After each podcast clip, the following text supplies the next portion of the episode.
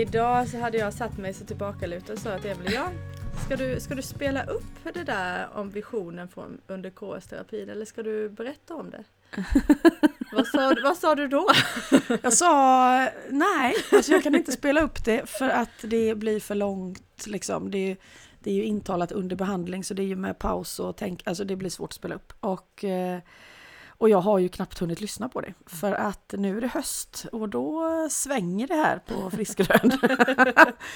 Ehm, det är så här mentorbrev, kursavslutningar eh, och inte minst hästar som ska antingen hem från beten eller flytta runt väldigt mycket. Mm. För att eh, det är det sista överallt. Är den här hagen nöjd? Är den här hagen nöjd? Eh, vad säger eh, Celeste? Vad säger markväsen? Eh, vad säger hästarna själva? Vem mm. behöver vad? Vem behöver extra tid med någon om de ska splittra sig på varsin vinterhage? Sådär, ja. mm. Eh, så just nu springer vi som yra höns eh, mellan arbetsuppgifterna. Mm. Och det... Jag kan inte säga att det är stress, för man kan ju inte göra det fort. men, det, men det upptar ju en stor del av dygnet. Mm. Det är så eh, övergången innan vinter... Ja, sen lägger det sig ju på en rutin mm. efter det. Mm. Eh, och, och, den rutinen är liksom kvar sen till, till våren kommer. Och våren är ju inte riktigt lika, alltså den är ju svängig på sitt vis för att det är odling och staket och Men eh, men hästarna har ju lite mer riktad linje mot marken på våren och på hösten är den ju mycket mer eh, de är mycket mer split, utsplittrade liksom. Mm. På. Så, eh, så därför så använder man små hål i tiden. Och så. så jag lyssnade på första, jag tror det är fyra inspelade åtta minuters avsnitt typ. Och sånt. Jag lyssnade lite på första igår men jag var inte tillräckligt fokuserad. Eh, för att jag gjorde också fudge. Eh, vi ska ha den årets eh, besvärligaste och längsta och så. Betesflytt ska gå av stapeln på lördag. Mm. Då ska 17 hästar över ett berg som av väderleksprognosen att döma kommer att vara isigt. Mm. Eh, och sen eh, så, ja det tar fem timmar hela den och vi stannar, vi gör flera stopp och skiften med människor och, och eh, jag känner ju en väldigt stor tacksamhet för de som lägger en dag på den här ganska krävande uppgiften. Mm. Som också naturligtvis är spännande att vara med på men det kräver eh, liksom kropp och eh, allt. Så då gör vi så här, ja, hemmagjord glögg och bakar grejer och sådär så att man får verkligen ett energipåfyll mm. vid, på två stationer typ på vägen. Mm. Så det, jag började med det projektet igår kväll. Mm. Ja men vi, mm. jag tänker också att vi det här är ju ingenting som ska stressas liksom heller. Nej. Utan vi, bara, vi tar det när det, när det kommer. Ja. Eller hur? Men, men det som hände när jag lyssnade, det, är liksom, det, finns två, det finns två bilder som fastnar. Eh, både innan jag lyssnade på det nu igen och, eh, och när jag lyssnade på det igen. Och det ena är att vi, eh, för ursprungsbilden är av jordklotet och atmosfären runt jordklotet. Och vi brukar ju i skapelsesammanhang och jag tänker de här kreativa motpolerna som utgör någon slags eh, dynamik, alltså som vi ofta väljer att lägga som manligt och kvinnligt till exempel. Eh, mörkt och ljust. Eh, alltså de här motpolerna som dansar med varandra och på så vis skapar någon form av händelseförlopp. Så var det liksom inte himmel och jord på den här bilden utan jorden och atmosfären kring jorden var en enhet. Mm. Och och sen såg man hur den enheten liksom övergick då i, i den atmosfären som för oss är svart, det vill säga rymden då. Eh, och så någonstans i den där skiljelinjen mellan var man skulle ändå kunna säga att jorden och dess atmosfärskropp övergick i någonting annat så kunde man se som en... Eh, och den här bilden har jag så tydligt i huvudet så den kan jag prata om oavsett. Eh, en, en ljusvåg som rullade in. Om man tänker sig eh, hur det ser ut när havet rullar in. Att det kommer en, en vågkam, liksom, ofta med lite skum. Man, man har bilden av att den rullar in mot en strand ungefär. Men här är det inte vatten då utan, utan ljus. Mm. Eh, så den här inrullande ljusvågen eh, var en bild av evigheten. Så skiljelinjen var inte mellan himmel och jord utan mellan jord och evighet. Eh, och den liksom eh, förändringen i, i den bilden av, av, av, att ta bort skiljelinjen vid markytan blev spännande tyckte jag. Mm. Eh, och just att, att den här mötespunkten då, eh, vågen som naturligtvis på den bilden ser ut som en kant. Eh, men eftersom det också genomsyrar allt så skulle man säga att den där kanten är i minsta detalj egentligen också. Men den bilden blir väldigt abstrakt. Så det kan vara bra att, att vänja sig vid dynamiken med hjälp av en kant. Men, men jag tror det hoppar, ja, det hoppar nog över ett väsentligt ord här. Kanten blir vad då i, i min, in i minsta detalj? Uh, ja, den här liksom skiljelinjen mellan det eviga och, och det, det materiella. Eller vad man ska säga. Mm. Att man skulle kunna säga att de här två möts ju i varje enskilt löv, i varje Mm. enskild cell egentligen. Mm, mm. Eh, Men, men på den större bilden så låg den också enhetligt på något sätt Mm, mm, kring kanten av vår atmosfär. på något sätt. mm. Och, och, det, och det möjliggör liv. Att det liksom det är eviga normmaterien, det är där det blir möjligt att skapa liv. Mm. Eh, det var på något sätt eh, utan någon eh, vettig förklaring en, en, en insikt i det ögonblicket som den bilden kom. Eh, och att, att det var så, eh, och nu kommer jag ju missa detaljer sen som vi lyssnar om och då kan det kan hända att det går att lyssna på det. Men eh, hos den här, i, e, inuti evigheten så fanns någonting. Det var inte, inte bara evighet som, en, som ett genomskinligt glas med vatten, utan det fanns också någonting i det. Eh, och, och det skulle man närmast kunna beskriva som intention. Eh, inte vilja, för vilja skulle vara kräva någon form av avgränsad person som vill en avgränsad sak. Intention skulle vilja att någonting skulle vara möjligt att vilja på sikt överhuvudtaget. Kanske man skulle kunna kalla det för. Så det fanns intention. Mm. Och med inrullandet av eh, beständighet och intention i mötet med materien så kunde, var, var det möjligt för liv att existera. Mm. Och, och den här... Eh, eh, det är jättesvårt att hitta ord här som, som på något vis ska kunna må, måla klart den här bilden då. Mm. Med det, det upplevda innehållet. Men, eh, men intention är det bästa ord jag kommer på. Mm. Eh, Och det finns något väldigt fritt i det. Alltså det blir så väldigt tydligt. Många bilder som man får av djur och i det här fallet mer som en vision och mer kopplat till själva planeten. Så blir det väldigt tydligt att makt är egentligen inte så relevant. Liksom. Alltså vem bestämmer? Vem kom först? Eh, Vem är högst i hierarkin? Vem är lägst? Det, det försvinner i de här berättelserna för att det, därför att det, det saknar relevans. Liksom. Mm. Mm. Vems intention, varför? Det är inte, inte relevant Mm. när berättelsen rullas upp. Eh, och det blir ju eh, en väldigt befriad form av andlig upplevelse jämfört med många berättelser som innehåller just eh, vilja och makt. Liksom. Mm. Mm. Och- Här skulle det inte kunna finnas någon Guds vilja men det skulle kunna finnas en, en eh, bakom alltihopa intention. Mm. Men den skulle inte gå att formulera. Den skulle inte, eh, det, är ingen, det är inget färdigt formulär som ska målas klart liksom, Det, och rättas i slutänden. det verkar inte Utan det finns bara ett någon, att. Ja, det finns inte riktigt någon att hänga upp det på heller eller? Nej, det gör det inte. Eller iklä liksom. Det, det finns ingen att möta i utan man ser den här vågkammen bara. Mm. bara men Mm. man ser den. Eh, ingen... Eh, den är ju lika lite en person som om du hade tittat på havet som rullar in mot stranden. Liksom. Mm. Alltså här... Även om du kan relatera till havet och kommunicera med havet så skulle du kanske ändå inte göra en figur av havet. Liksom. Skilt från havet, nej precis. Men för eh, du pratar om evighet nu och det är egentligen ett begrepp som eh, vi kanske inte har haft uppe så mycket förrän Fanny hade hel, sista helgen. Just det. Just det. Mm.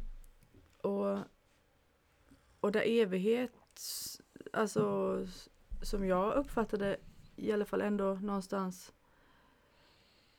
kanske bli ett annat ord för det som vi ibland kallar Gud eller det stora vänliga eller alltet? Eller Mm. har, vi någon, eh, har vi någon distinktion här emellan? Ja, det är spännande. Jag tänker evighet i det här perspektivet blir ju nästan mer egenskapen Mm. att icke upphöra än vad det egentligen... eh, Mm, det medföljer ju ingen form per automatik där. Utan mer som en, tä- tänker jag mig, Mm, alltså sådär mm. omedelbar association. En, en slags o, eh, obrutenhet då möjligtvis. Mm. Eh, Det stora vänliga skulle ju möjligtvis... eh, Jag tänker så här att om man beskriver att det finns intention eh, men den beskrivs inte alls. Eh, Och då tänker jag lite som beskrivningen av essensen. Det eviga möter det förgängliga. Eh, Och så runt där så bildas någonting som omedelbart egentligen blir unikt. Att så fort liksom kropp och själ har mötts så uppstår någonting som aldrig har uppstått förut och aldrig kommer uppstå igen. Även om du är ett av många grässtrån så är ni inte identiska hur man än vänder och vrider på det. Liksom. Eh, och där någonstans så uppstår ju någonting som också därmed går att beskriva. Och jag tänker att man då skulle kunna beskriva det stora vänliga som just det stora vänliga. Måste ju betyda att, det, att någonting har börjat att ske. Mm. Intentionen har börjat ta fart på något sätt. Så det stora vänliga skulle i Mm. så fall, om jag, om jag hör dig rätt, Mm. vara det som uppstår i mötet mellan det eviga och materia? Ja, möjligtvis. Ja, precis. Ja, precis. Eh, men det stora vänliga skulle också kunna, kunna ligga bakom hela den här evighetsvågen. Mm. Eh, och, och, eh, och finnas helt utan att finnas, Mm. om man säger. Alltså Mm. inte överhuvudtaget behöva eh, någon form av mötespunkt. Och då skulle det ju snarare vara en beskrivning av Gud då, Mm. som, som inte skulle vara eh, egentligen beroende av. Och bortom definitionerna av Ja, evigt bortom- och eh, förgängligt. Precis. Mm. Ja, bortom definitionerna. Mm. Där är vi väl kanske mest. Mm.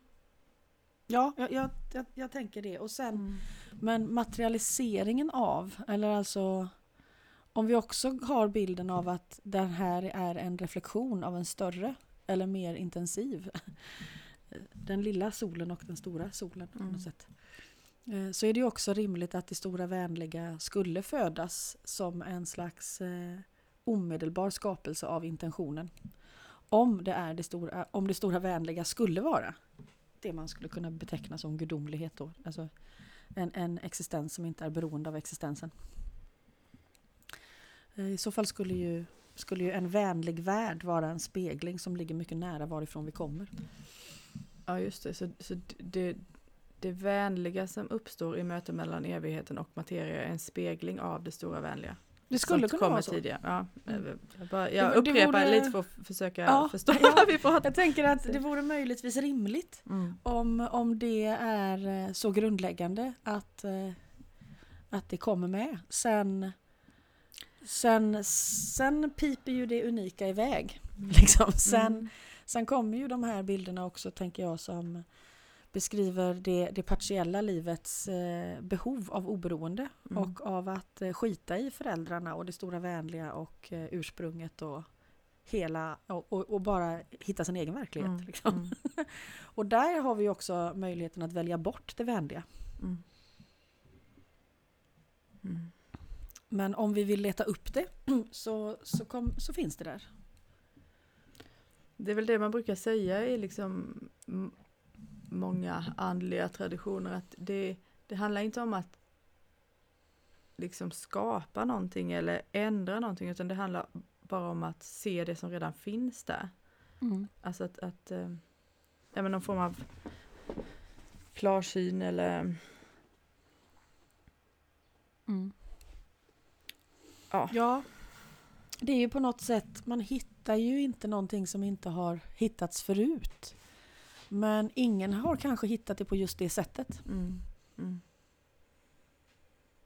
Ingen har använt just den formuleringen eller känt exakt den kombinationen av känslor och sinnesintryck Mm. i upptäckarögonblicket. Så livet får ju nyupptäcka sig själv då.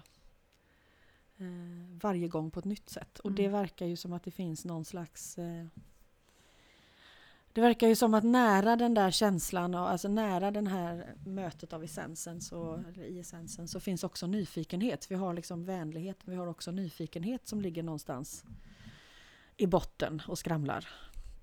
Eller nära.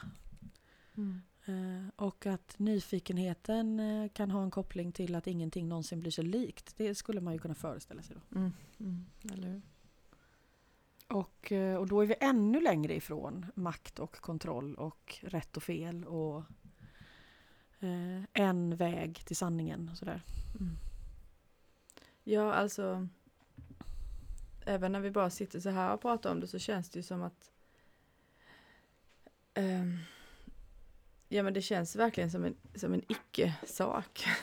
och, Mm, och, och, ja, vilket, ju, vilket ju är väldigt spännande eftersom att vi på Mm. många sätt samtidigt då lever i en värld där det är väldigt reellt. Men, men det går nästan inte att, att relatera till det i ett sånt här samtal därför att det blir så främmande på något vis. Och där kanske egentligen det kanske ändå finns en, en potential där att försöka närma sig det. Ehm, eller in, alltså det, det, det finns ju två vägar här. Antingen så, så liksom faller man in i det här ehm, ja, det stora vänliga och generositeten och evigheten möter materien. Alltså där, där, där allt det där har fallit bort och så, och så hoppas man att det inspirerar andra att falla in där med. Mm. Ehm, eller så ser man vad som händer om man skrapar på det. Jag vet inte. Och jag vet inte heller hur det där skrapandet eller pokandet möjligtvis skulle gå till. Men, eh, men det är väl nyfikenheten igen. Mm. Mm. Det blir eh, väldigt platt utan den. Mm. Och det är väl där som vi får en liten konflikt i, i oss eh, när det gäller prestation då. Att, eh, inte för att ansträngningen i prestationen och att man ger sitt allt skulle vara ett problem. Eh, tvärtom, det kan verkligen vara nödvändigt. Men eh, att prestationen eh, skjuter bort nyfikenheten. Därför att, man, därför att det, den tummar på närvaron. Liksom. Ja, är det inte så att prestationen någonstans alltid har en, en, eh, en, en mottagare eller en åskådare eller vad man ska säga, en, Ja. någon, någon annan än de som det faktiskt berör. Ja, den har ju någonting utöver eh, ögonblicket i sig. Mm. Samtidigt så, så behöver vi någon slags motivation. Eh, och, och den kan ju se ut hur som helst. Mm. Men, men ibland är ju en, en, eh, ett mål kanske inte så dumt att starta upp med. Bara så man åtminstone startar upp. Mm. Sen märker man kanske fort att det här går ju inte. Nu har målet redan löst upp sig och vad gör jag här? Men nu har jag i alla fall fått styrfart. Liksom. Mm. Eh, och vad är då skill- skillnaden mellan den djupare driften i vad man skulle, vad vi mycket har pratat om i längtan då. Eh, kontra den eh, egots version som mer består av vilja då. Mm. Där, där viljan blir en slags eh, kontrovers mellan mig och materien. Jag skulle vilja att det var på ett annat sätt. Mm. Men som också skulle kunna i parat med tron på det omöjliga förflytta ett berg. Liksom. Så det är inte så att vi ska kasta bort viljan och skita i allt. Det, det, vi behöver ju låta egot få möta det här också. Mm. liksom. Det sker ju någonting i mötespunkten. Så kasta egot förstår man, det blir inte lika relevant. Men gå igenom det blir väldigt relevant. För där finns det en berättelse. Liksom. Mm. Gud, nu är, jag, nu är jag rätt snurrig i bollen kan jag säga.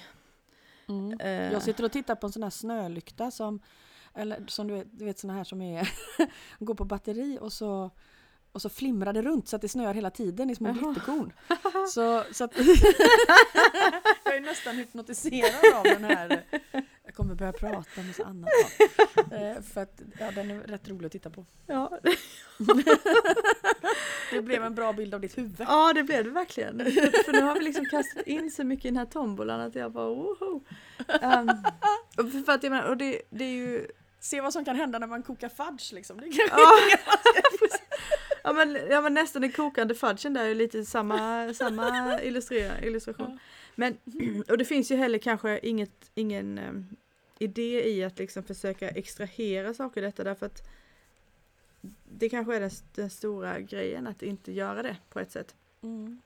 Men eh, Ändå är det svårt att låta bli. Det är ändå svårt att låta bli, exakt. Så det kommer alltid med men.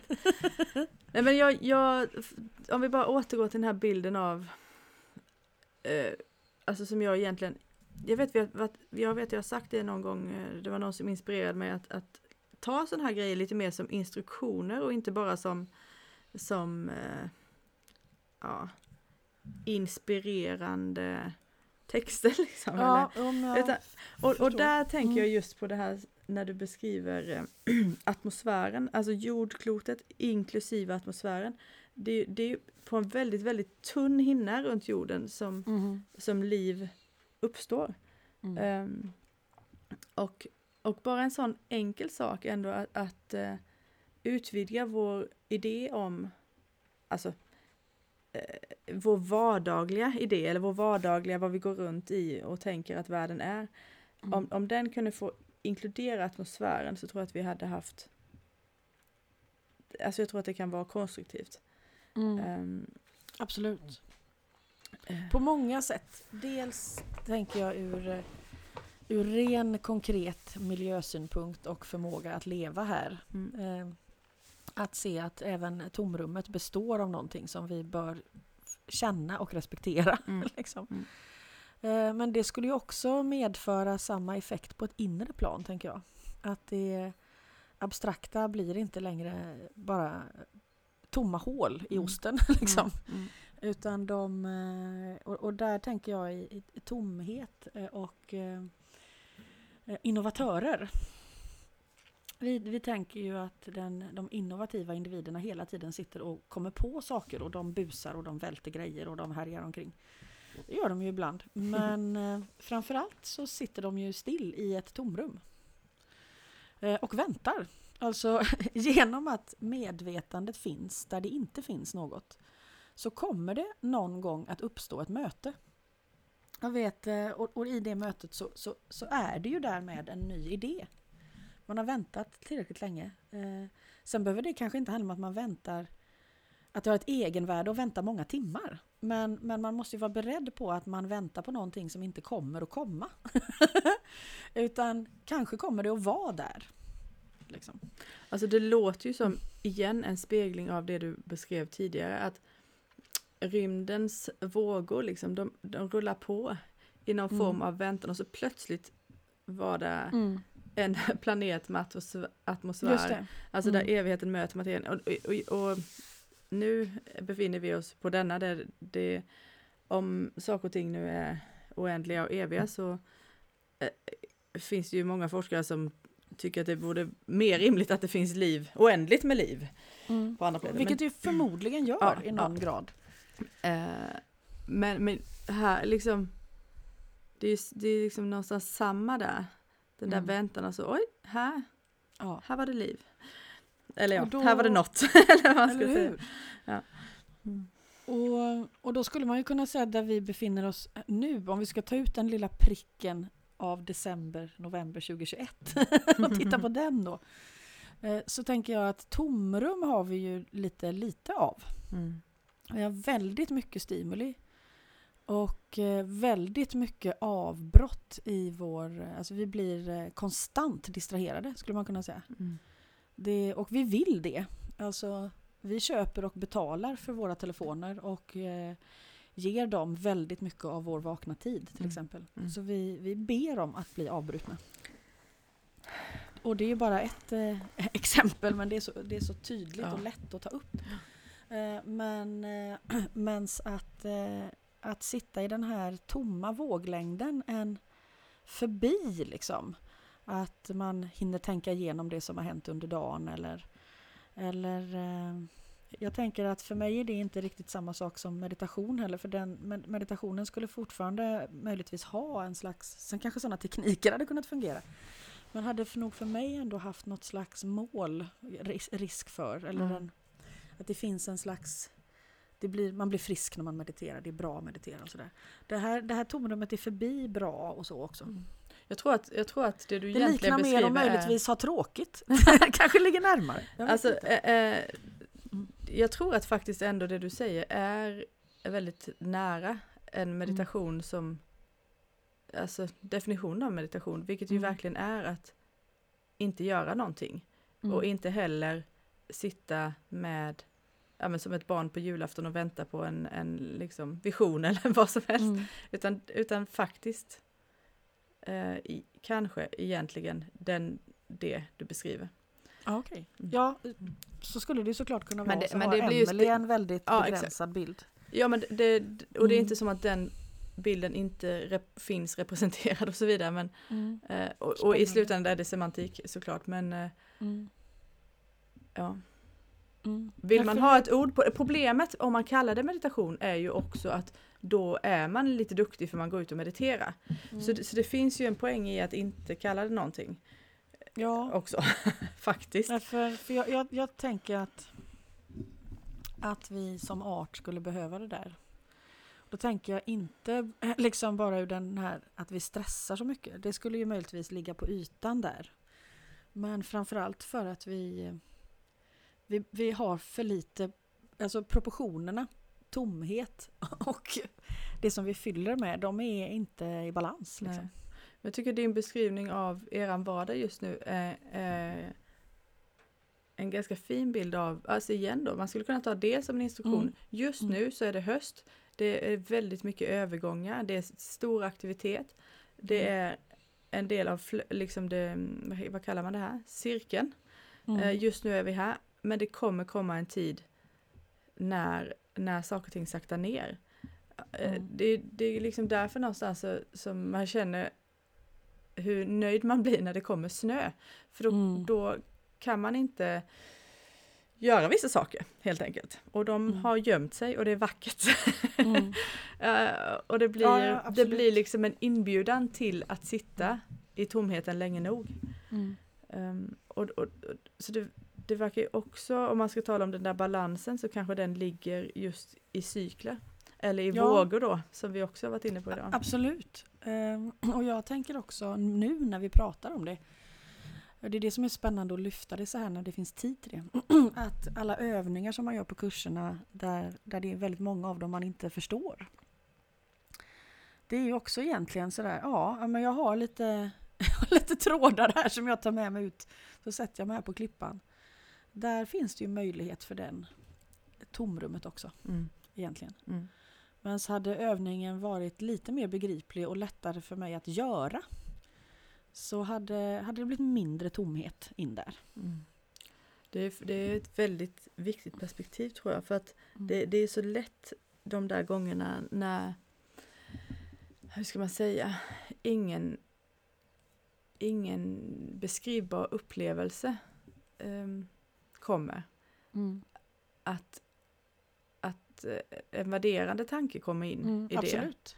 Man har gjort fel Ja. eller eh, man har inte förstått eller man är dålig. Mm. Särskilt jämfört med de andra Mm. som ser så fokuserade ut. eh, som känner möjligtvis samma sak. Och så Mm. är det det. Mm. Och så är det det vi egentligen gör. Alltså, ja, det är det precis. hästarna let, vill försätta oss i. Mm. I alla fall inte i varenda övning. Eh, men, men hela tiden in emellan på något sätt. Mm. Det är också spännande att, att uppleva, alltså nu, nu har vi avslutat det fjärde året och det är ganska stor skillnad på interaktionerna oss emellan, alltså alla deltagare, Mm. från, från början och nu. Nu, det händer att vi pratar, absolut. Men det är också väldigt mycket tystnad sinsemellan som kanske inte fanns i början när allting var nytt och, och ja, extatiskt liksom. Ja, jag, jag tänker, eh, nu, nu menar jag, jo det finns en viss humor i det, men det, det, det är verkligen, jag, jag tänker på kycklingar. Eh, jag älskar kycklingar. Eh, också för att de är så otroliga, alltså nu har vi kycklingar så det är lätt att tänka på dem.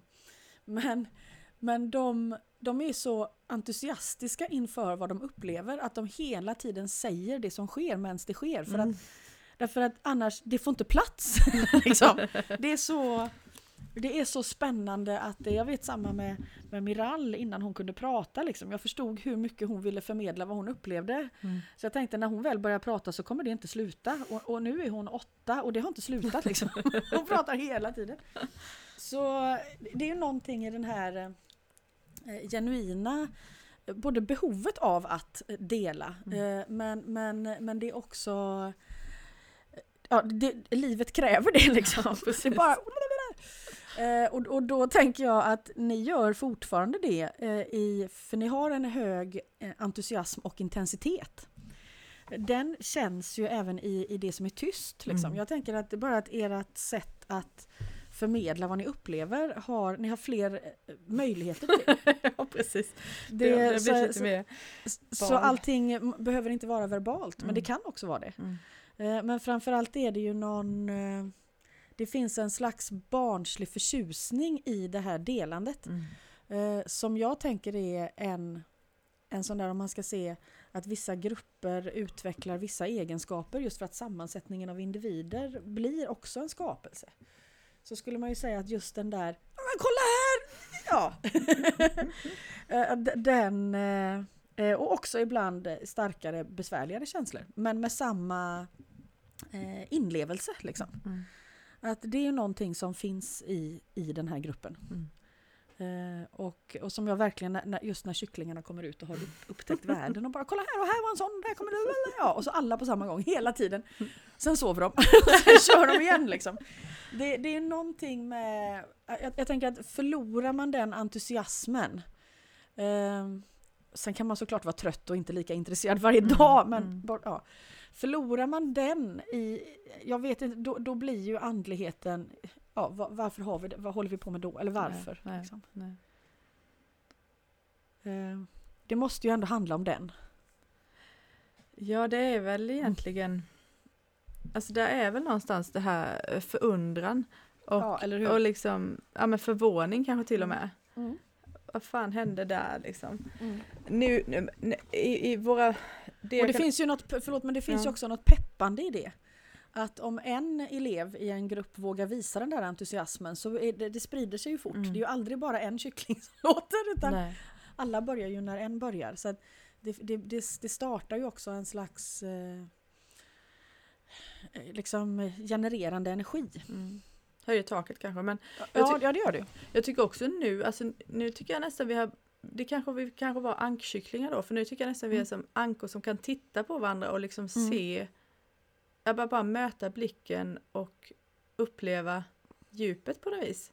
Alltså det, det, finns, en, det finns ett delande Absolut. som är ehm, mindre detaljrikt och, och mer liksom Mm. mm, ja, bottenlöst kanske. Eller bottnande, jag vet inte, men djupt i alla fall. Jo, men jag tänker att i ett tidigare skede så... Jag tänker att vi kommer ju alltid söka efter bekräftelse i någon grad. Jag tänker att tänka sig att man blir andlig upplyst och klar och så behöver man aldrig mer någon bekräftelse. Jag, jag vet inte om det riktigt är en rimlig bild. Eh, men därför att vi vill ju gärna veta att någon hörde vad vi sa liksom. Eh, så då är det sådär, vad upplevde du? Ja, men jag upplevde det här. Ja, okej, du gjorde det. Ja, okej. Eh, och, och sen, men sen kommer det till en punkt där det räcker att. Mm. Jag ser att du upplever, jag upplever också, vi är här tillsammans. Jag ser att du ser att jag säger det till dig nu. Och, och då blir det inspirerande. Liksom. Sen är det väldigt spännande när det faktiskt finns en, ett verbalt delande och man ser att, att eh, det är som pusselbitar som, som hakar i varandra. Mm. Det händer ju ofta. Att man Mm. får en större förståelse för vad man själv har upplevt med den andras ord. Mm. Eh, och det är ju, det är ju eh, fantastiskt att få vara med om. Och egentligen så tar det mig till någonting som jag skulle vilja prata om idag också. Mm. Och det är det här som du, du liksom slängde ur dig lite sådär nonchalant en grej som knockade mig sist. ja, men det, och det var det här med generositeten och naturens generositet och att människan, att vad vi har bommat på när vi Mm. glömmer att vi är en del av naturen det är att om vi nu är en del av naturen, då är vi också generösa. Och Mm. vi kanske borde komma ihåg och att liksom utöva det. Mm. Det, det har liksom, Mm. ja men det, det har liksom sprängt en dörr på något vis. Mm. Och, och jag vet att du sa det som att det var en självklar sak, men det, det var det inte för mig i alla fall. Mm, Nej, det, det har det ju inte varit för mig heller. Jag tror att den fulla formuleringen av det hände nog när vi pratade om det faktiskt. Mm. Eh, Och så är det, det är det som är väldigt spännande med det här samtalet. Att det ja, finns tid för saker och, och för trådar att mötas. Då. Mm. Mm. Eh, Men, men jag, jag tänker ju att det måste vara så. Eh, För hur skulle det annars kunna vara? Varför skulle en art inte, eh, inte ingå i det, i den generositeten? Det verkar helt orimligt. Och, Mm. och jag, jag tänker att vi, vi kommer inte kunna bli fulländade människor och heller inte uppleva känslan av, alltså vi letar mycket efter känslan av lycka men jag tänker att det blir lite platt ändå. Mm. Eh, man tänker att man kanske letar efter en känsla av fullkomlighet som ligger närmare då att vara helt närvarande exempelvis. Eh, att, att saker känns eh, kompletta i någon grad. Liksom. Här kan jag stå för här finns allt jag behöver. Det skulle kunna vara en, väldigt, en beskrivning av välmående. Liksom. Mm. och jag, jag tänker att den känslan hittar vi inte om vi bara förhåller oss till vad vi vill ha för att må bra i stunden. De här två står mot varandra. Liksom. Mm. Mm. Så att allting som gör mig tillfälligt lycklig på bekostnad av andra kommer aldrig att leda mig till den här känslan av fullkomlighet. Nej, jag tror att man också skulle, i den där generositeten så finns det, alltså det kanske är fel att blanda in ordet mening här eftersom att vi så tydligt säger att mening det kan man välja att skapa själv eller låta bli. Men ja, men, men man upplevelsen av. Ja. upplevelsen av meningsfullhet. Betydelsefullhet, Ja. betydelsefullhet tänker jag ibland man Ja. kan använda. För, för då, det kräver inte lika mycket förståelse som mening kanske. Nej precis, det, du behöver inte ha en högre mening och så vidare. Men, Nej, men, nej, men jag tror att alla kan känna igen sig i känslan av att, Mm. att, att det man gör känns betydelsefullt då eller meningsfullt.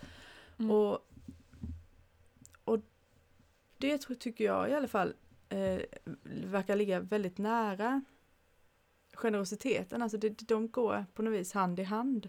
Och det Mm. är ju lite som du säger också, det här handlar inte bara om vad jag vill eller, eller personlig vinning och, så- och så vidare. Utan det blir, det blir som omedelbart en del i ett sammanhang och en helhet. Mm. Och, och jag har också, eh, det är mycket med instruktioner nu verkar jag. Mm. Du, har- du har ju en annan instruktion som handlar om att vänta. Och, och att öppna upp för generositet och samtidigt vänta har känts väldigt eh, relevant i mitt liv.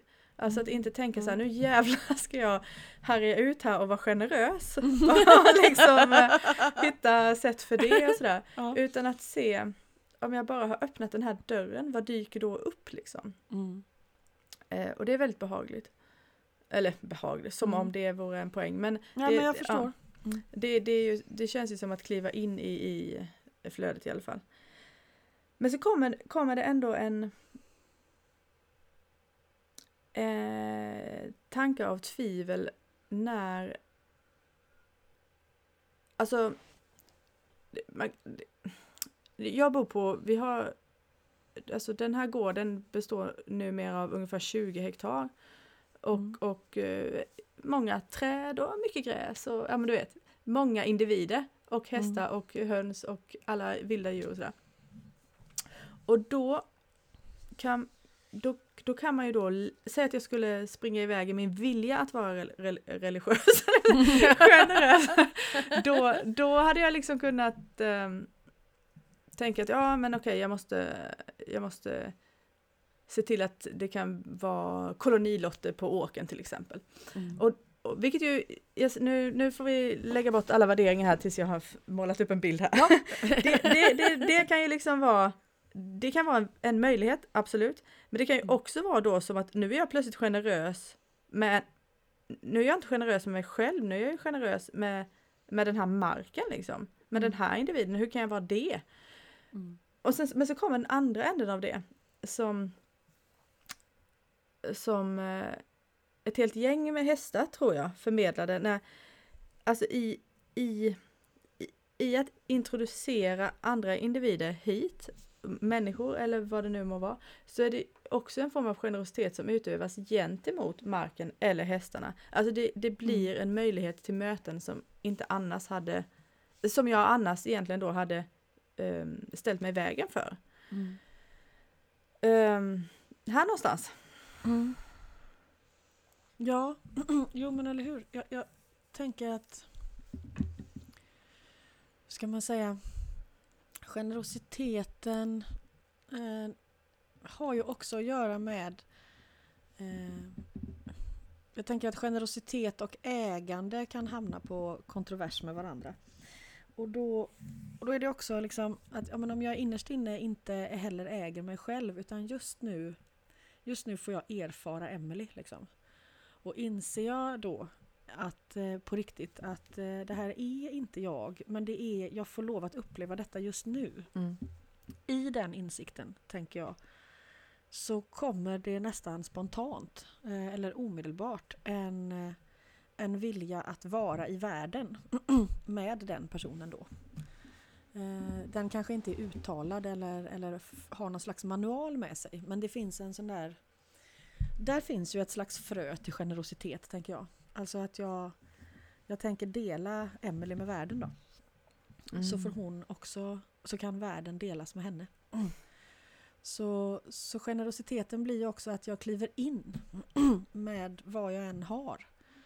Eh, även om det inte är fullbordat, perfekt eller begripligt. Liksom.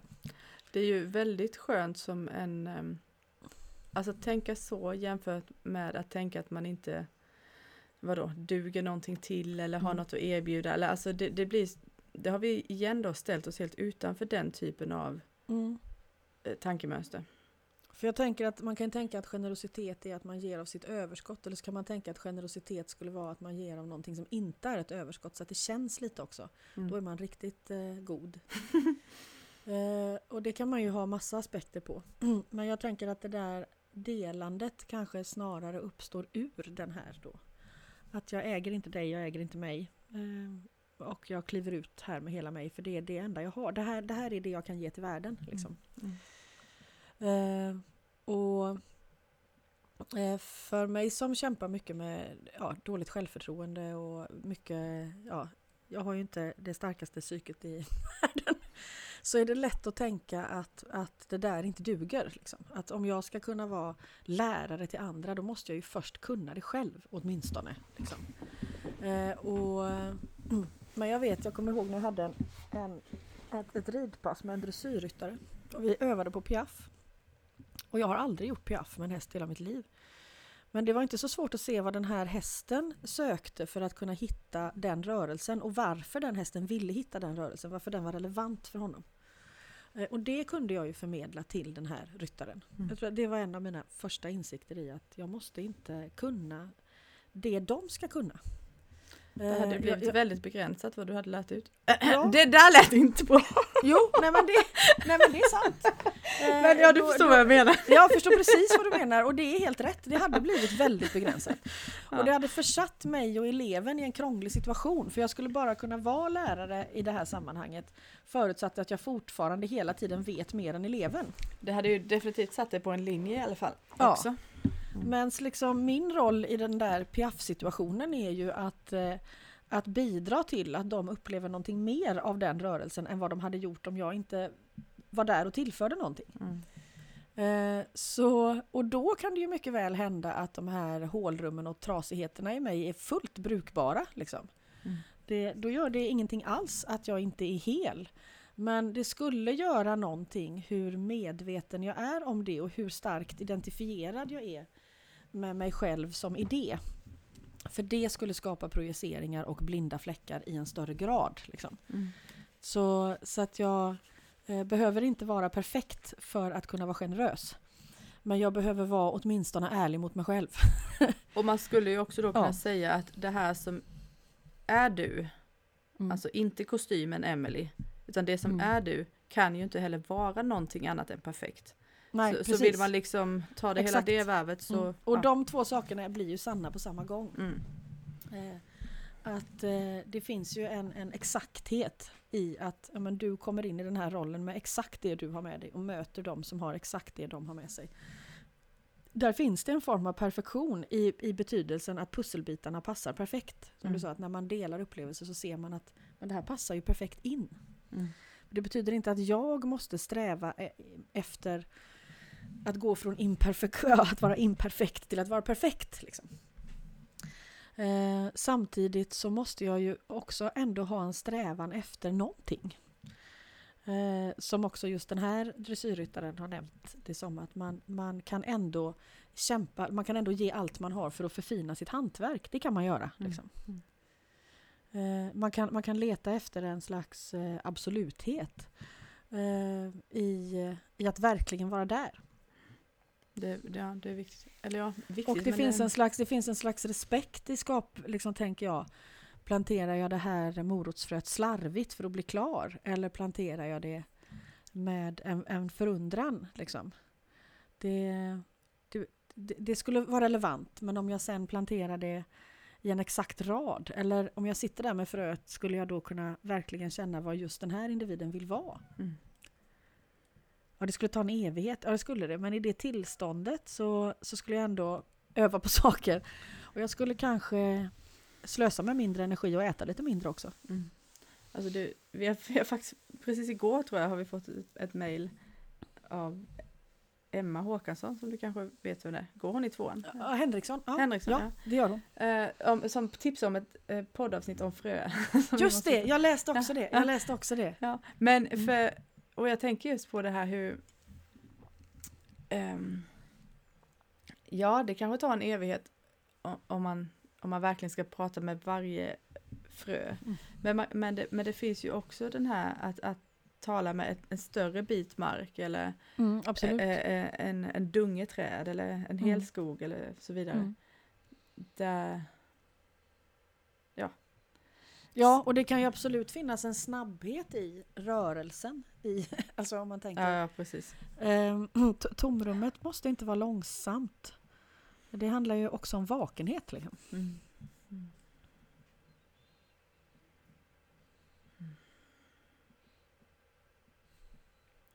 Mm.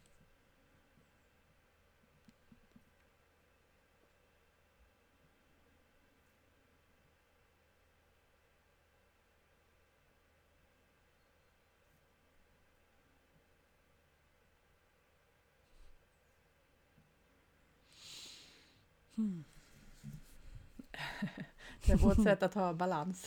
Tomheten kom. Ja.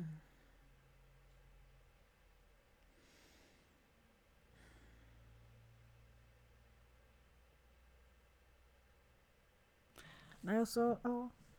Jag tänker vi är, så, vi är så tränade i att värdesätta vad vi får tillbaka. Liksom.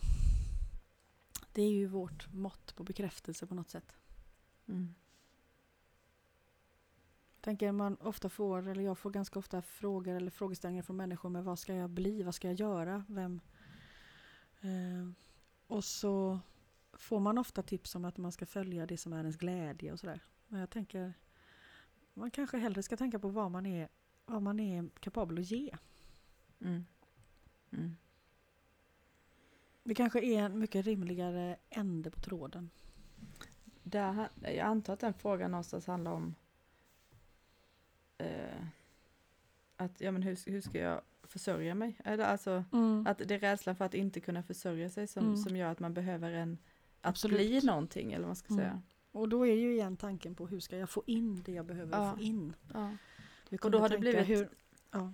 det blir ju hur ska jag bara nå Absolut, och då blir det hur ska jag hur ska jag liksom, tanken om hur ska jag kunna få ut det jag har i mig? Mm. det kanske är en mer intressant fråga. Jag vet, vi hade ju, i och med att tvåorna slutade nu så blir det ju en diskussion kring Alltså det är ju alltid så att man tar hem det man upplever eh, till sin vardag men den, det blir ju förtydligat vid en, ett avslut. Liksom.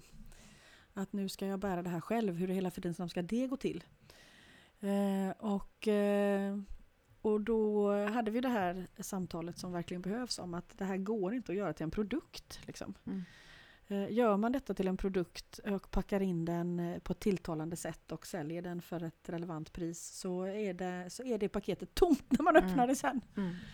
Eh, Det bara är så. Det är, ingen, det är ingen åsikt. Det är inte ens en värdering. Det bara blir så. Ja. Ehm, Så, och då har vi igen det här att, att låta det få vara i en. Inte ut och, och ropa på Mm. liksom, kolla vad nu kan jag det här. Mm. Utan så här, låt den där plantan växa lite undangömt och tyst liksom. Mm. Och se vad den tar, får för sig då. Mm. Eh, och tänk på att någon, någon del av detta, någon del av förmedlandet av detta måste bestå av en gåva. Mm. Och då kan man säga, vad då måste? Ja, det är så. Eh, tar man bort den delen så då är det tomt igen. Liksom. Ja, det, ja, det... Man kan aldrig äga det och då kan du aldrig fullt ut sälja det. Och, då, och därmed så måste det finnas en annan linje som bär igenom förmedlandet. Alltså om det hade, om det hade känts som en transaktion i Mm. mötet, då, då är det precis som du säger, då är det fasken ingenting där.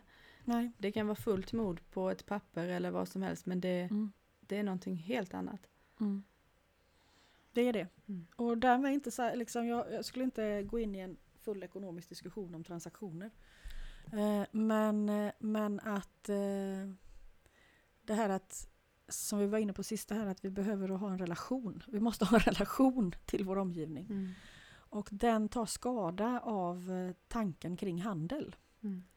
Man kan naturligtvis ha väldigt trevliga handelspartners, liksom, men det är inte det vi pratar om i detta fall. Nej, nej. Eh, utan det måste finnas någonting utöver själva dealen. Mm. Och sen finns ju, alltså om man, om man ska konkretisera det med Mm. att ändå kunna försörja sig så, så vet jag tror att vi har pratat om det tidigare att, att första steget kan ju då vara att, ja, men att behöva väldigt lite. Så att det inte där blir ehm, Precis. eh, en eh, guide liksom att det måste, Mm. man måste försörja en viss typ av livsstil eller vad det nu är. Jag vet, så, så valde ju jag. Jag var ju ung också då, hade inte så mycket och hade inga lån. Och, ja, det har jag inte nu heller. Men, men eh, för, för att det just är väldigt svårt att gå till banken med det vi just har sagt. Ja, precis. De bara, höj dina priser. Ja. Ja.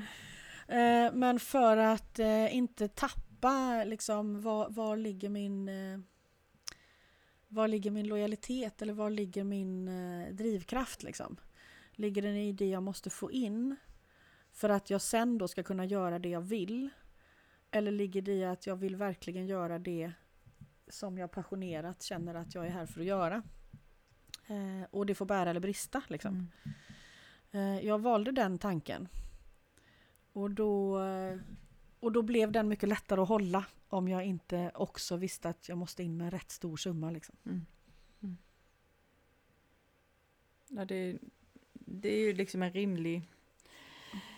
Någonstans, anta, alltså, eller egentligen inte. Alltså du hade ju, jag tänkte säga att någonstans så, så, så är det en ekvation som måste gå ihop. Men det, det, ett annat sätt att få ekvationen att gå ihop hade ju också då varit till exempel att ja men säg vara självförsörjande. Men då hade, du, då hade ju ekvationen lutat alltså mindre åt att vara ute i, mm, eh, alltså det hade varit andra möten om man säger så.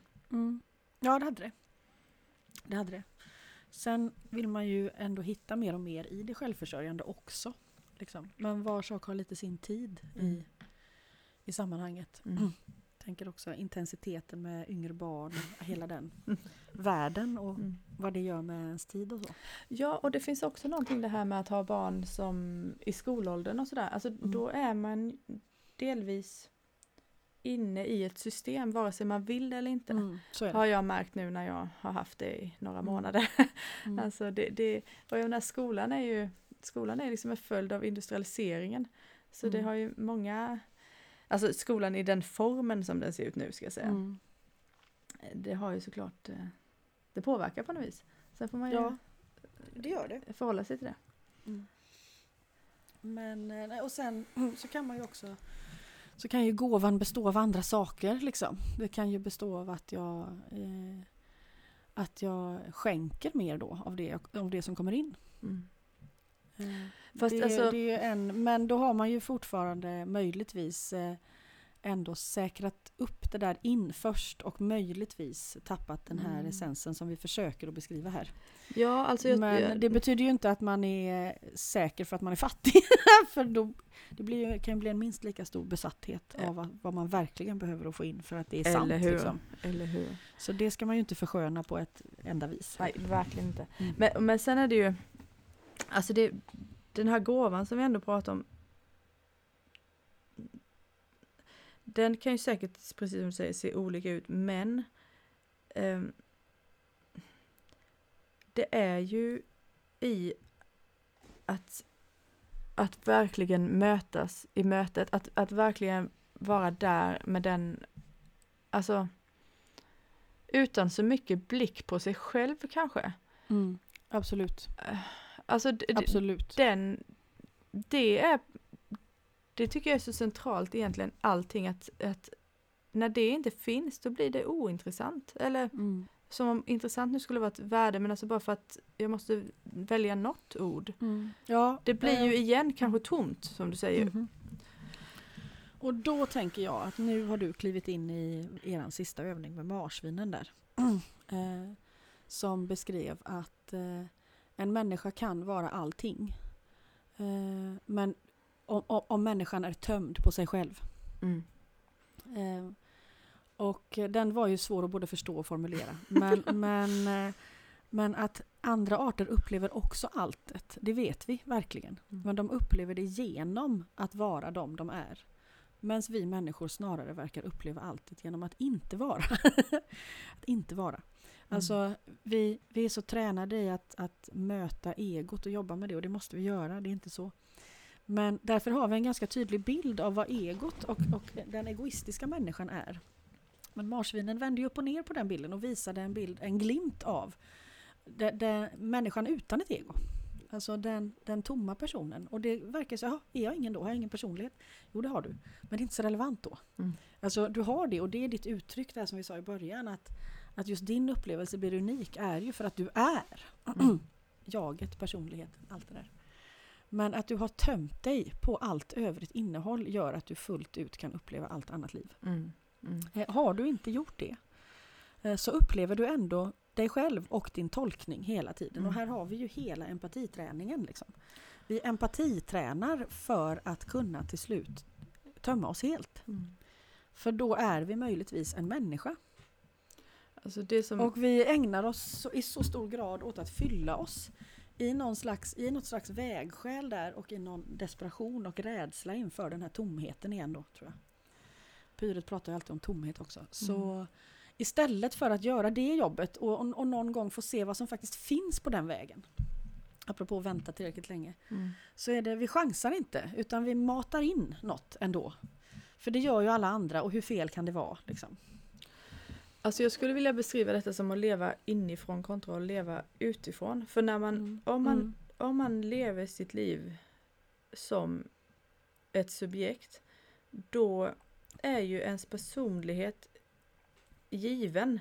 Alltså den, den, den, den syns inte därför att den jämför sig inte med någonting annat. Utan Mm. det, det är bara så här det är att leva. Alltså, men om jag, om jag börjar se mig själv utifrån och se att jaha, jag verkar ju vara en sån här person om jag jämför med hur du beter dig eller vad det nu Mm. är.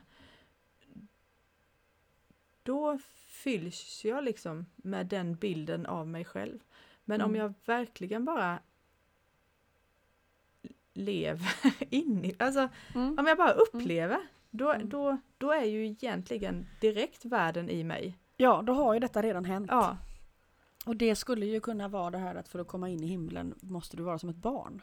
men, men det är ju jävligt, Ja. alltså det är egentligen konkret. Det är Ja, och det egentligen där var en inte- instruktion. Det var, det var liksom ingen obegriplig Nej, mening i nej. en konstig bok utan det, det var egentligen så enkelt beskrivet som det går att göra det. Mm. Kanske. ja, precis. Ja. Mm. Men jag tänker att det är någonting där. Mm. Som verkligen är, gå ut och gör då. Öva på det. Ja, Ja. men hur? Ja, öva på det. Alltså det, eh, eh, egentligen, ja, jag säger det här i alla fall, men det, det, nu, nu ex, exemplifierar jag det här med en form av meditationsteknik Mm. som kallas the headless way. Alltså att man, Mm. om, om man tittar, alltså om man konkret, när man sitter här och tittar ut i världen, så försöker man titta efter sitt huvud.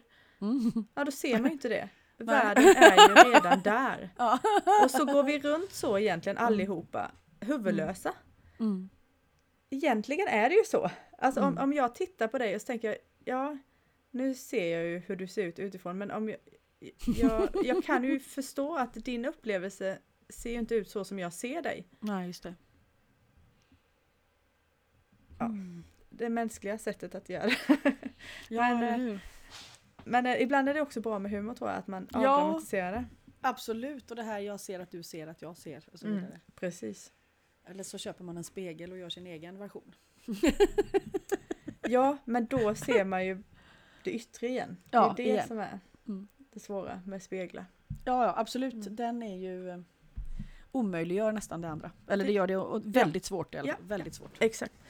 Det, det, mm. Ja. Men jag är faktiskt, alltså för en gång skulle jag nästan skicka ut den här, alltså det, det blir ju så när man blir så entusiastisk över någonting. Jag skulle vilja skicka ut det här, vad har, vad har det gjort med dig som lyssnar, med er som lyssnar, att få den här generositetsidén. Det kanske är, var självklart för alla andra utom mig, men det kan ju vara så att det var någon annan som Mm. eh, inte tyckte det. Nej, och jag tänker också att liksom djupet av generositet, att det är inte bara att ge. Generositet är mer. Det är också ett tillstånd. Liksom. Ja, det är verkligen det. Och jag vet vi hade en som har pratat mycket om generositet, det är ju Ronja som har ägnat sommaren åt att läka mark. Det har vi varit inne på. Mm. Och nu när tvåan hade avslutning så kom det en fråga kring det där. vad, vad, vad menar hon mer? Liksom, kan hon berätta mer? Och, och då beskrev hon ju också att när hon då ger hela sig till marken då blandas allt som är i henne. Allt det där går ut i marken. En slags eh, varande i generositet. Och då händer samma sak med marken. Så hon får ju in väldigt mycket av det sjuka i marken. Eh, och för henne var det väldigt tydligt att det skulle vara så. Mm. Alltså jag tänker att vi aktar oss väldigt mycket för vad vi tar in och inte. Och det finns naturligtvis relevans i det i ett annat sammanhang. Men nu är vi i det här sammanhanget. Och, eller andra sammanhang. Men, men eh, hur viktigt det var att hon tillät den sjukdomen att också nå henne. Liksom. Och när den här sammanblandningen som en osmos liksom, mellan henne och marken eh, så skulle till slut eh, det friska väga över. Det var hon helt övertygad om. För att annars, hela livet bygger ju på det. Liksom. Den här som hon har beskrivit, att allting genererar alltid mer än vad man själv behöver. Mm. Så att grunden är generös. Eh, och det friska kommer att väga över. Eh, men hon måste våga ta in allt det skadade i marken i sig. För att också bära det tillsammans med marken. För att det i det, eh, i det, det givandet och sammanblandandet, där kommer det friska sen att, Mm. att väga över. Och den bilden berörde mig väldigt starkt. Mm. I att liksom... Eh, jag tänker när man tröstar någon eller när man... Att ta, ta in det där. Liksom. Mm. Ja, för Eh, på, på ett annat sätt än att... Eh, ehm, vi får ofta övningar att vi inte ska försöka fixa saker. Eh, Möjligtvis för att vi då eh, på något sätt springer iväg från den tidpunkten där läkandet skulle börjat uppstå av sig självt. Mm. Och Eh, om man inte vågar ta in det i sig själv, då har man ju Mm. egentligen sagt att nej, det här är för allvarligt, för farligt, för vad det Mm. nu är, för att, för att det ska gå. Så du får stå Mm. där med det själv. mm. Ja, det För jag- som en jag- motpol jag vill till att inte-. Ja, beblanda jag vill mig. inte bli Nej. skadad. Jag vill Nej. inte beblanda mig. Jag Mm. vill inte bli tainted by your Mm. liksom, darkness på något Där sätt. finns Och där- ju ingen läkning kan man ju hörs ju direkt liksom. Ja, eh, och jag tänker också här kan man ju se lite hur vi gör vad vi gör med liksom flyktingar, Mm. fattiga, behövande. Tar vi in dem eller är det, är det en för stor risk att göra det? Liksom? Mm. Eh, och ja, om bara en gör det så blir det ju mycket på den personen såklart. Men man kan ju göra någonting där man befinner sig. Mm. Där, där har jag ju alias eh, ord, min vän och chef i Jordanien, att eh, det som uppenbarligen kommer på min väg, det här tycker jag, det här hjälper mig. Det som uppenbarligen kommer på min väg är jag ämnad att göra någonting Mm. i förhållande till. Mm. Eh, och, och ibland kan jag kanske göra väldigt mycket, ibland kan jag kanske bara göra väldigt lite. Men någonting kan jag alltid göra. Någonting. Eh, och då och förhåller man sig till det eh, så, så kan man liksom stå ut med att det är en större bild som jag kanske inte kan rå på. Mm. Därför att det, det, det, det, blir, det finns en betydelsefullhet i att kunna möta det som i alla fall kommer närmast mig. Liksom. Mm. Ja, och, det, och där är ju igen egentligen den här väntan, alltså att inte, inte ge sig ut och rädda världen. Nej. Alltså, I don't think it can be done. ja, Eh, precis. Ehm, men ja, det, det, det är också, tycker jag, verkar vara en väldigt eh, konstruktiv instruktion. det är ja, det, det, den går att Ja. följa. Ja. Och, och för henne har den ju kommit ur, en, ur hennes tro. Mm. Hon, för henne är religionen det som sitter absolut närmast essensen. Och Mm. hon har liksom tolkat det så. Mm. Att, eh, att man, eh, det, så gör man bara. Mm. Eh, och hon gör det. Hon tuggar på liksom. Hon har ju såklart eh, dåliga dagar och kämpar med personliga trassel, allt som vi alla gör. Men hon gör också det andra. Mm. Och hon slutar inte med det. Och det är väldigt inspirerande. Mm. Och då kan man ju säga att jo, men hon är ju en högt uppsatt person, hon har en massa resurser. Ja, men hon använder också då en procentuellt sett en lika stor del av de resurserna i sin generositet. Eh, som, som jag gör, eh, Mm. eller önskar att göra i förhållande till de resurserna jag har. Mm. Liksom. Mm. Så det är inte enklare för henne, hon har större projekt bara. Liksom. Mm. Mm. Hur får man in ehm, Hur får man in tomheten i det här? Alltså det kan ju komma, komma saker på ens eh, fastubro hela tiden tänker jag. Mm. Eller det riskerar att göra ja. det. Ja, eh, jag, jag, jag tänker ju att för mig då, jag tänker att nu har vi sett kopplingen tomhet-meditation. Och jag tänker att det också finns en koppling tomhet-bön beroende på vem man är och hur man, vad som är mest, relevans, är mest relevant i ens praxis. Liksom. Eh, att man lägger in det. Mm. För, för jag tänker att ja, det kan finnas väldigt akuta lägen där man inte hinner sova. Liksom. Men oftast är det inte så ändå. Mm. Ehm, om jag igen ska liksom se inspirationen av Alia så ja, men hon ser till att be. Liksom. Hon gör ansträngningen att få till den bönen nästan var hon än befinner sig. Mm. Är vi ute på jobb och mitt ute i ingenstans, bara, men jag går och ber eller jag har en teknik så att om jag inte kan rulla ut mattan eller stå eller ha med mig grejer, jag kan göra det i bilen. Ja. Mm. Hon eh, eh, anstränger sig för att inte missa. Mm. Eh, och det tänker jag är ett sätt att eh, skapa tomrum. Mm. Så att man blir påmind om att eh, mitt i detta görandet så är det ändå inte, finns också en helt annan historia. Jag, Ja, använder, jag använder Foxys övning mycket, alltså den har hjälpt mig jättemycket det här att leta i den lilla vinden. Tomrummet mellan, mellan trädet och den omgivande stilla vinden. Där finns någonting som är helt neutralt. För mig är den neutraliteten en form av påminnelse om tomrum. Och sen har hon ju den här efterföljande då, sen den stora vinden som förstör allt. Eh, Som också påminner mig om att det är inte bara upp till mig utan jag gör det jag gör, sen kommer jag Mm. försvinna, någon annan kommer att göra. Alltså, Mm. för att Mm. inte hamna i identifikationen av den, ja, hur jävlar ska vi kavla upp ärmarna? Och, Ja, Ja. precis. för den, Och lösa det hela. ja, Mm. då, då har man ju sprungit rätt in i en ganska kraftfull identifikation om inte Mm. annat. Mm. Eh, Som en, som en avslutning bara, för det vet jag nu när vi ändå har varit inne på det här med hur man tar det ut i världen. Mm. Så brukar vi prata om du brukar prata om synliggörande kontra marknadsföring eller sånt där tror jag. Mm. Kan det vara synliggörande du använder? Mm. Ja, för jag, jag tänker att ehm, till viss del är det ju så att sådana här saker hittar man inte om man inte letar efter dem och då hittar man dem. Men det blir svårare att hitta mig om jag verkligen aktivt försöker gömma mig liksom, och inte vill kunna bli sedd. Mm. Jag vet att liksom innan kurserna började så hade vi ju den här, liksom, när vi skulle pröva om alla våra tillstånd med Länsstyrelsen. Mm. Eh, och det var ju en jättetuff period. Eh, och jag tyckte extremt synd om mig själv. Det gjorde inte Foxy som vanligt. Eh, som sa att ja, varför det här egentligen händer kan man ju fundera över. Och så, ja, ja, för att det handlar om, vill du göra dig synlig Mm. i världen eller vill du inte det? Mm. Vill du inte det så ska du ju bara lägga ner nu. Liksom. Men vill du det så kommer du ju få de tillstånden som gör att du kan stå upp i världen för det du gör. Mm. Eh, därför att du har liksom du har fått ett mandat av den vanliga världen att delta där de är. Mm.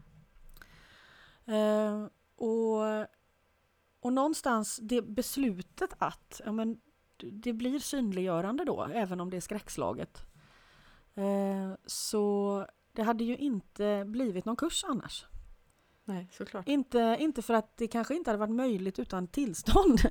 Eh, Men för att eh, den vägen hade, det hade bara inte hänt. Liksom. Mm. Så, så det finns ju någonting i att, att jag blir synlig. Jag tänker på Premos vattenövning som vi avslutade med faktiskt också i helgen. Mm.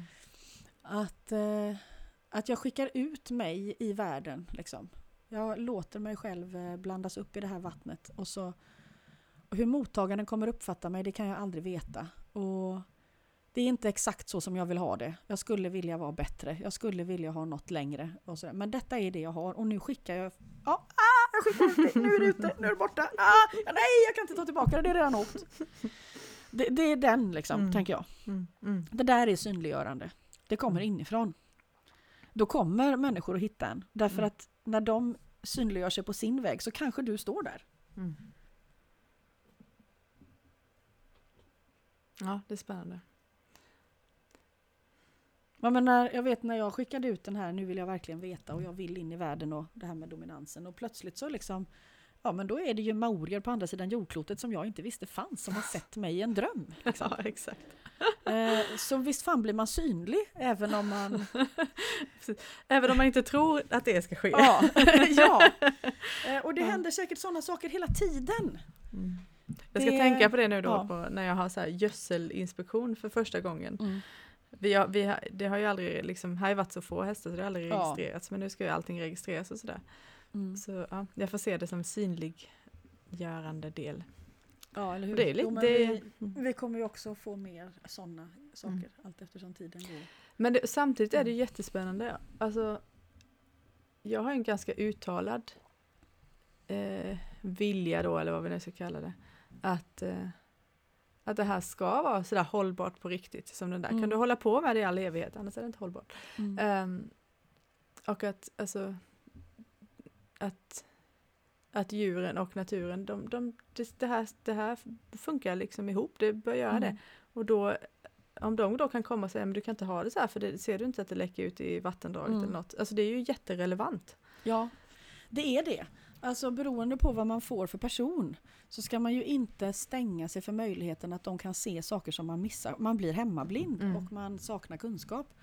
Det svåra med den här typen av verksamheter är ju när det, när det börjar handla om makt. Mm. liksom. Mm. För då uppstår inte det här hjälpsamma längre. Men, eh, men i, och, och vi har erfarit allt möjligt där och det Mm. finns såklart en väldigt stor rädsla för den maktfullkomligheten som finns där. Men samtidigt så vet jag att jag blev utfrågad av den här eh, inspektören i ja, fyra timmar tror jag. Oj. Korsförhör. Liksom. Oj. Mm. För vi sökte ju rätt rejäla tillstånd alltså. Mm. Eh, I ett ämne som inte går att begripa och hon ville verkligen försöka förstå. Mm. Eh, Och jag var helt knäckt. Eh, Och hon sa liksom, visade inget heller hur hon... Men i efterhand så kan jag se att ja, men, de där frågorna var relevanta. Liksom. Hur tänker ni när någon ska dö? Var drar ni gränsen? Hur hanterar ni det? Hur, vad tycker ni är en rimlig sjukdom? Vad tycker ni? Alltså där, ja, men Mm. Jag kanske behövde ställa mig själv de frågorna. Mm. Hur tänker ni i förhållande till fång? Hur gör ni? Eh, och, och en sak som hon var väldigt tydlig med när vi förklarade vår betesplanering och sådär. Att, men ni skiljer väl inte på de som är vänner? Du bara va? Vem kom Eh, det ifrån? Ja, när jag hör dig, vi ska nog tänka mer på den aspekten faktiskt. Liksom. Mm. Så, så det, men jag var helt förstörd för att hon visade som sagt, hon, hon var väldigt hård och väldigt neutral. Eh, hennes jobb. Mm. Eh, och sen förklarade hon ju långt efteråt att nej, men jag tyckte det var, det var rimliga svar. Liksom. Alltså man får ju också tänka att alla sådana Och det var möten- just hon. Sen träffar man ju en annan som kan vara på ett helt annat sätt och så är det är man. För det är ju väldigt obehagligt att bli granskad. Det kan vi inte komma ifrån. Nej men då får man väl försöka Mm. tänka på allt det här igen. Det tänker jag att jag ska göra på tisdag eller nu. Mm. Nej men Ja. alltså att, att, att det är ett möte så gott som något liksom. Ja, och att just det här att handlar det om att bli synlig i världen? Ja, men jag kanske, jag kanske måste tänka igenom vad, vad gör du och varför? Liksom. Mm. Det var ju det hon egentligen sa. Mm. Så Mm. jag tänker att hon gjorde ju sitt jobb, eh, tänker jag, eh, väldigt eh, väl utifrån den rollen hon spelade i det sammanhanget. Mm. Det fanns säkert en generositet i det med. Mm, ja. Mm. Och en vilja att ändå gå in i att försöka förstå en värld som man inte har sett förut. Mm. Mm. Hon sa också det att vi- jag har ju sett djurhem och sånt förut och det, jag har dålig erfarenhet av det, sa hon direkt. Att man har en väldigt god vilja att hjälpa djur men så håller det inte i slutändan och det handlar mer om ens behov av det än om djuret. Precis. Precis. Eh, Det är ju sant. Eh, Mm. Det är jättesvår balansgång för, för alla vårdande roller. Liksom. Mm.